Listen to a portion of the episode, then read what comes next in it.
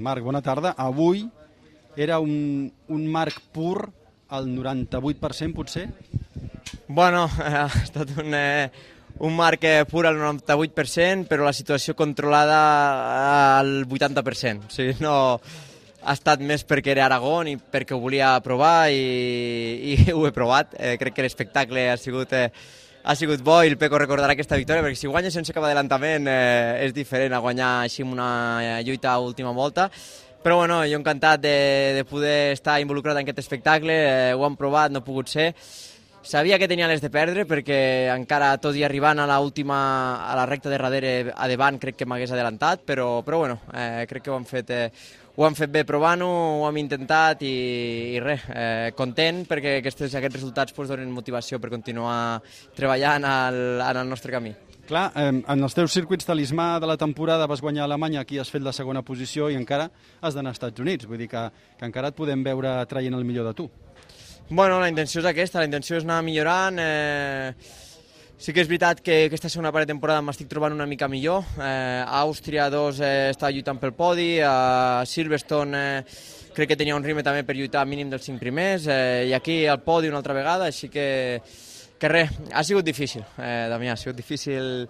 Quines tres últimes voltes? Perquè estàvem, estàvem amb el Lluís Costa al directe i dèiem no pot ser que s'esperi l'última volta, no pot ser.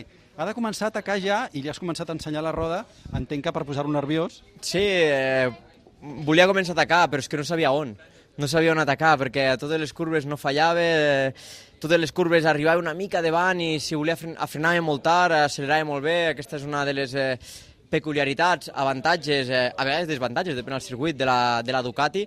Ja em passava amb el Dovizioso i, i m'ha passat avui també una altra vegada amb el, amb el Peco. Frenem molt tard, parem molt bé la moto i accelerem molt bé però honestament m'estava pensant si atacar o no. Eh, vinc de, de dos caigudes seguides, no tenia la situació totalment controlada, eh, moltes curves anava damunt la moto per anar-hi, eh, i, i era difícil. Així que, que per això m'ho he pensat tant i per això he atacat lo just i necessari en les voltes que, que a les últimes per, per jugar-m'ho tot amb una carta. Ha estat una sortida molt agressiva i entenc que, que ja ho tenies preparat d'alguna manera per, per preparar-te després tot el, tot el que et quedava de cursa. Sí, bueno, hem sortit, eh, al final sempre intento sortir bé i he sortit bé, m'he col·locat bé la primera curva, després he vist que el Miller també fallava i ja a partir d'allà ens han ficat segons i vinga va.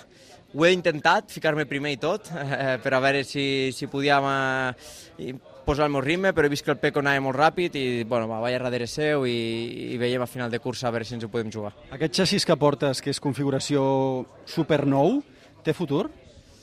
Bueno, eh, està clar que, que tots els xassis, aquest, avui, aquest cap de setmana he corregut amb un altre xassis, no el mateix que, que les últimes curses. A Misano no sé amb quin xassis correré, eh, una mica també la direcció que, que em faci seguir Honda, però bueno, lo, lo important és anar seguint, eh, anar seguint, informació, anar, seguint a, anar buscant informació, anar, anar trobant eh, sensacions i, i evidentment cada diumenge correm amb els xassis que ens sentim millor els entrenaments. Eh, aquest xassis és el que veia més potencial en aquest circuit i per això he corregut amb aquest. Moltíssima sort pel que queda de temporada. Marc, Vinga, moltes gràcies i, bueno, eh, tot i ser una mala temporada portem dos podis, així que no està malament.